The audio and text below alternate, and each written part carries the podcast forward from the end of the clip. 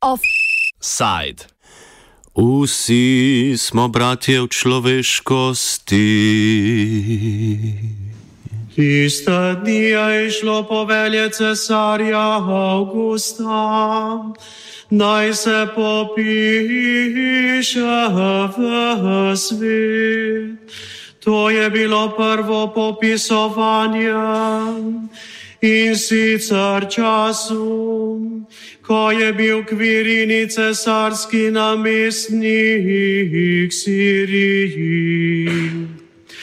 In vsi so se hodili popisovati, vsak svoj rodni kraj.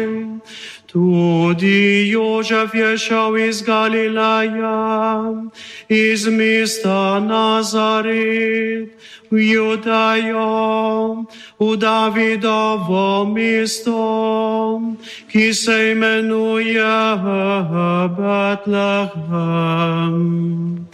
Ker je bil iz Davidove hiše in rodbina, da bi se popisal z Marijo, svojo zaročenko, ki je bila nosiča.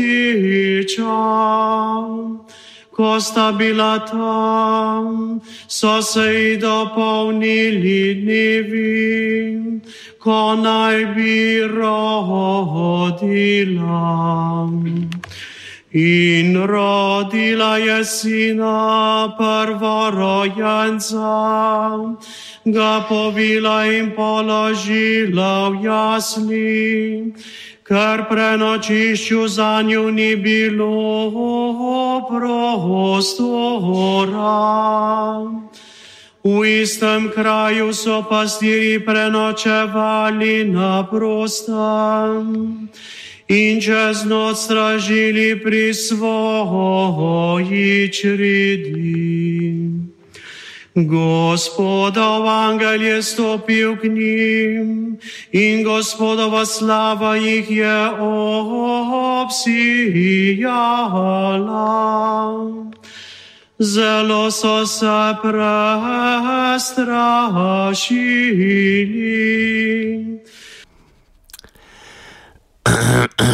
torej, drage poslušalke in poslušalci. Ne bojte se, gledajte, poznanjam vam veliko veselje, ki bo za vse ljudstvo. Danes se vam je v Davidovem mestu rodil odrešenik,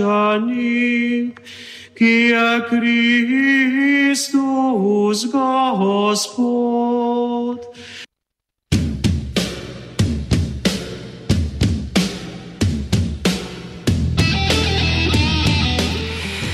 Drage poslušalke in poslušalci, tako kot se pastiri drobnice niso zbali zvezde repatice, ki je zasijala na nebu tedanje Judeje, tudi vi nimate nikakršnih razlogov za strah. Današnji prispevek namreč ne bo poveličeval praznika učlovečenja krščanskega Boga Jezusa Kristusa, kot ga izpričuje drugo poglavje Lukovega evangelija. Eden izmed temeljnih zapisov nove zaveze, ki ga je v župnijski cerkvi svetega Vida v Šentvidu pri stični sinoči odpel tamkajšnji župnik Izidor Grošelj, sporoča nekaj povsem drugega: veselje in ljubezen do bližnjega ter bratstvo. Temeljne vrednote, ki niso lastne le krščanskemu verskemu nauku, temveč skoraj vsem religijam sveta. To je včeraj opoldne v Vatikanu v božični poslanici Urbi et Orbi izpostavil tudi papež Frančišek.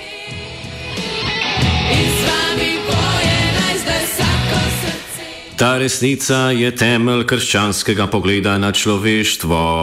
Brez bratstva, ki nam ga podarja Jezus Kristus, je vš naš trud za pravičnejši svet, kratkega diha in so celo najboljši načrti v nevarnosti, da postanejo brezdušne strukture.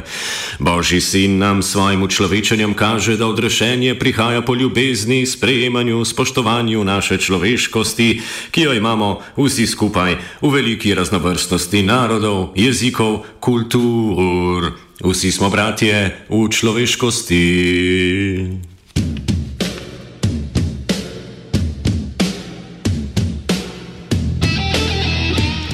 Jedro letošnje papeževe poslanice govori o naši skupni poklicanosti, da gradimo bratstvo, kot nam ga podarja Jezus Kristus. Ali če zadevo aktualiziramo, gre za sloviti naoko o krščanski enakosti pred Bogom, poudarja sodelovec radio študent Vid Bešter. Zakaj papež pač um, evocira neko, neko bratstvo v, v, um, nek, v smislu nekega sklicevanja na pravičnost, bi pa um, se v meni pač zdi, da, da ne gre dovolj v bistvu daleč pri tem, da ima pač v tej figuri Jezusa Kristusa dovolj tudi nekih drugih radikalnejših uh, potez, ki bi jih lahko uh, tudi izkoristili za, za namen, ki ga ima. Ker pač ga bratstvo pač še vedno drži v tem spopadu pravične razdelitve, lahko pa bi, ne vem, recimo tudi um, še bolj učinkovito bi verjetno bilo, sklicevanje pač na bodi si na Kristusov uh, veliki individualizem, uh, na njegovo veličino posameznika uh, in njegovega etičnega ravnanja ali pa uh, in izključevanja samega sebe pač iz, ravno iz nekih sporov glede razdeljevanja um, dediščine um, Mojzesovega prava ali pa, ali pa pač um, seveda slovita krščanska ljubezen, ki je pač res da že nekoliko zlajna, ampak um, ne implicira nobenega razdeljevanja oziroma vsako zadrževanje premoženja, tako kot v apostolskih delih pač celo kaznuje z uh, takojšnjo smrtjo. Vsi ljudje so namreč povezani v nekem občem skupnem oziroma človeškem. Gre pa pri tem po obeštrevih besedah za dve stvari: za mišljenje povezanosti v rodu na eni strani in za vprašanje razdelitve posvetne oziroma materialne oblasti na drugi strani. Gre za to, da smo seveda vsi božji otroci in potem takim bratje. Enak, eh, oziroma zelo soroden argument je pač tudi um, zelo 18. 18. stoletja, kjer so pač uh, vsi ljudje povezani v rodu, v neki obči človeškosti, v nekem občem bratstvu. Imamo pa pač v svetem pismu predvsem te sinovi, ki se spopadajo glede, glede dediščine. Um, imamo Kajna in Abela in imamo uh, Jakoba in Eva in gre pač za vprašanje pravične razdelitve tistega, kar nam pripada po našem očetu. Zato se mi zdi v bistvu bratstvo nekoliko slabši pojem od tovarištva ali prijateljstva, ki pač ne implicirate tega spopada za, za, oziroma tega razdeljevanja prostora pod soncem in pred Bogom, pada za očetovo dediščino, za prvenstvo, za neko razlikovanje med tem, kdo si zasluži kaj. Računati na to, da bodo naši bratje in sestre pravični, ko bo šlo za razdelitev dediščine, da nas ne bodo opet najstili kot eh, bi nas tujci, kar pa je. Kar pa ni nujno. Pomembno vprašanje, ki si ga o Božiču zastavljajo verujoči, je, zakaj se pravzaprav spominjamo Kristusovega rojstva. Zgodni kristijani so namreč nasprotovali običaju praznovanja rojstnih dni, izpostavlja Stanko Gabor, medijski predstavnik Jehovih prič. Jezus pravzaprav ni nikoli zapovedal, da bi praznovali mogoče njegov rojstni dan ali pa katerikoli drug rojstni dan. Edino, kar je Jezus Kristus zapovedal svojim učencem, je bilo to, da ne bi se spominjali njegove smrti. Imamo pa tudi uh, zapisano, da pravzaprav v raznih enciklopedijah, da niti Jezus, niti zgodni kristijani v več stoletjih niso praznovali rojstnih dni. Jehove priče ne obhajajo spomina na Kristusovo rojstvo. Še več, zdi se jim, da to praznovanje ne ustreza Kristusovemu nauku. Kot izpostavlja Stanko Gabor, je katoliška crkva Božič kot dan spominjanja Kristusovega rojstva uvedla šele v četrtem stoletju. To je storila zato, da bi krščanstvo približali poganskim spreobrnencem, ko so želeli čim več ljudi spreobrniti uh, v krščanstvo. Če bi ugotavljali zgodovino samega Božiča, bi ugotovili, da pravzaprav uh, praznovanja, ki so s tem povezana, segajo v poganske verske obrede in ne v nekaj, kar je učil Jezus Kristus ali pa kar so učili tudi zgodni učenci. Ne. Slovenski etnolog in antropolog dr. Janez Bogataj to tezo potrjuje. Kot nam je povedal v pogovoru, 25. december nima temelja v svetem pismu, temveč v rimskih poganskih praznikih ob koncu leta, približno ob zimskem solsticiju na severni polobli. Med te praznike so spadale Saturnalije v čast Saturnu, bogu poljedelstva. Stari rimljani so vsako leto 25. decembra praznovali rojstni dan nepremaganega sončnega boga. Ta poganski praznik je crkva pokristjanila s tem, da ga je nadomestila s krščanskim božičem. Poleg tega so pogani 25. decembra praznovali rojstni dan boga Mitra in krščanski svet se je zelo potrudil, da je prav na ta dan mitraističnega čaščenja, nepremagljivega sonca, postavil praznik Kristusovega rojstva - Božič. Izvami.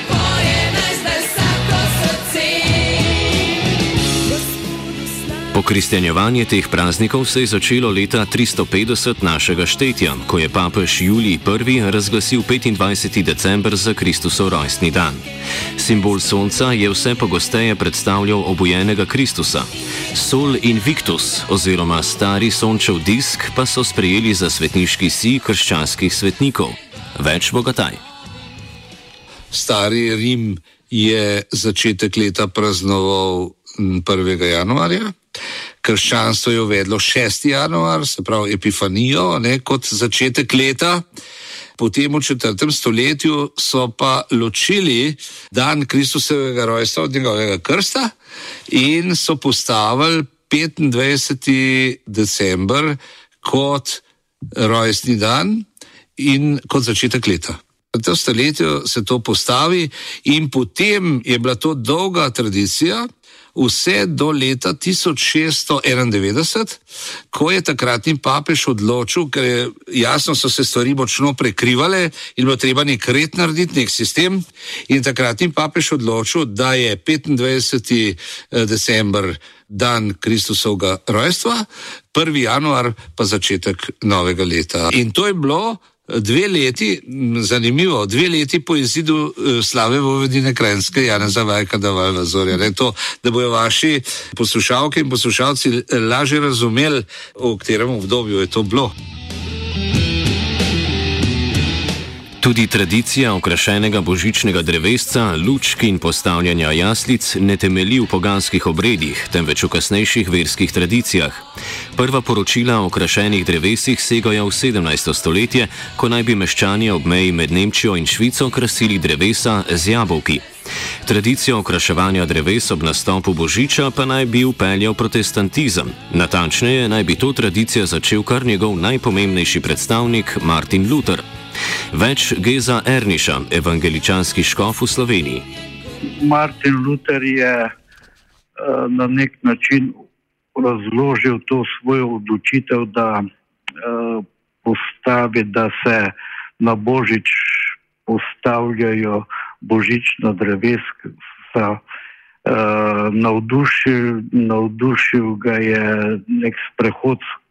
Uh, v večernih urah skozi gost, skozi smrekov gost, uh, skozi katerega je opazil svetlikanje uh, zvest na nebo in takrat je, takrat je prišel, prišel na idejo, da pač uh, bi na Božič okraševali domove in pa crkve z božičnimi drevesi, na, pa, na katerem so pa lučke, torej, ki pa spominjajo na svetlobo. Ne? Torej, prihajajo svetlobo, ki prežene, prežene temo, tem prenesenem pomenu besede.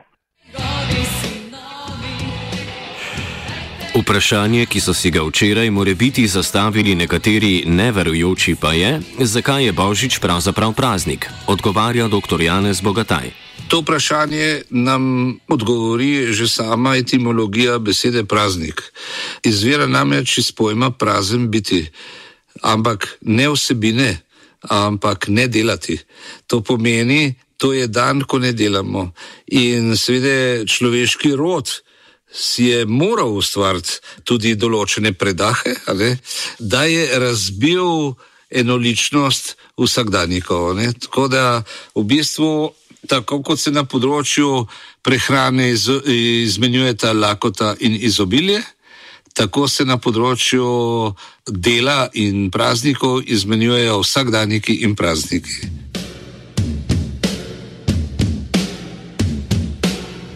Da bi se ob množici vsakdanjikov slovensko ljudstvo lahko do dobra nasitilo, je prva slovenska vlada dan uradne razglasitve plebiscitarne odločitve slovenskega naroda o samostojni državi določila za slovenski državni praznik. Kot se je v nagovoru na petkovi državni proslavi tistih časov spomnil predsednik vlade Marjan Šarec, sta za današnji praznik pomembni predvsem dve zadevi. Spomin na vse dogodke, ki so pripeljali do samostojne države, ter domoljub ljubje, ljubezen do svojega jezika, kulture in ozemlja in na vse zadnje države. To moramo nositi v svojem srcu. Takrat sem imel 12 let.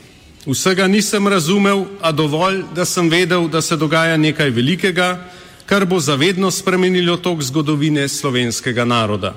Spoštovani, sem predstavnik generacije, ki ni aktivno sodelovala pri tedanjih dogodkih, a to ne zmanjšuje mojega domoljubja in pravice do njega. Danes se skuša ljudi deliti na domoljube in tiste, ki to niso. Domoljubje ne pripada samo nekaterim, temveč je pravica, predvsem pa dolžnost vsakega izmed nas. Leta 1991 sem dobil na mizno slovensko zastavico, ki jo hranim še danes. Od malih nog poslušam Slavka Avsenika in druge domače ansamble. To sem počel tudi takrat, ko je njihova glasba veljala za manj vredno, za govejo muziko in podobno. Ministriral sem in zmrzoval v cerkvi, bral berila, ko se nekaterim današnjim gorečnežem še sanjalo ni, kaj je to cerkev. Ob državnih praznikih vedno izobesim slovensko zastavo in imam v pisarni sliko Rudolfa Majstra. Pa vendar, Zato, ker znam veliko partizanskih pesmi, ker spoštujem drugače misleče, ker priznavam pravice istospolno usmerjenim in ker nisem nacionalist, za nekatere nisem domoljub, temveč izdajalec. Takih ljudi, ki sveta ne vidimo črno-belo, je veliko, le manj nas je slišati.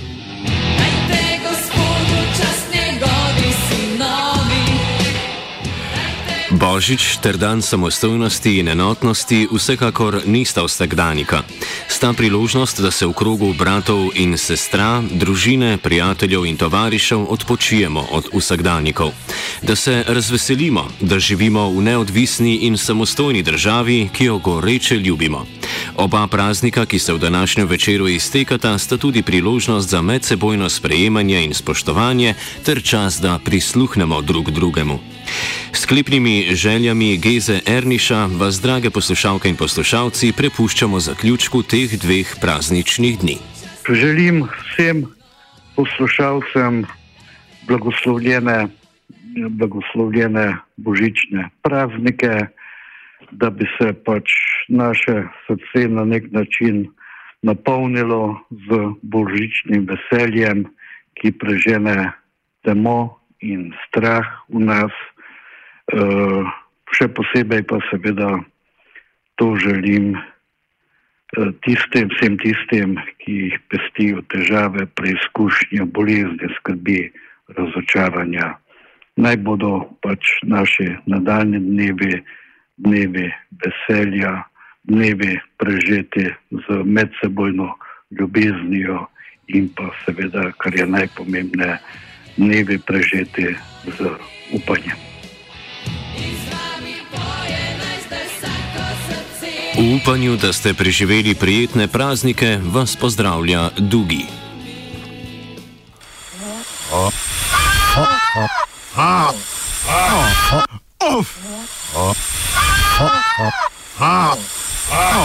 Offside.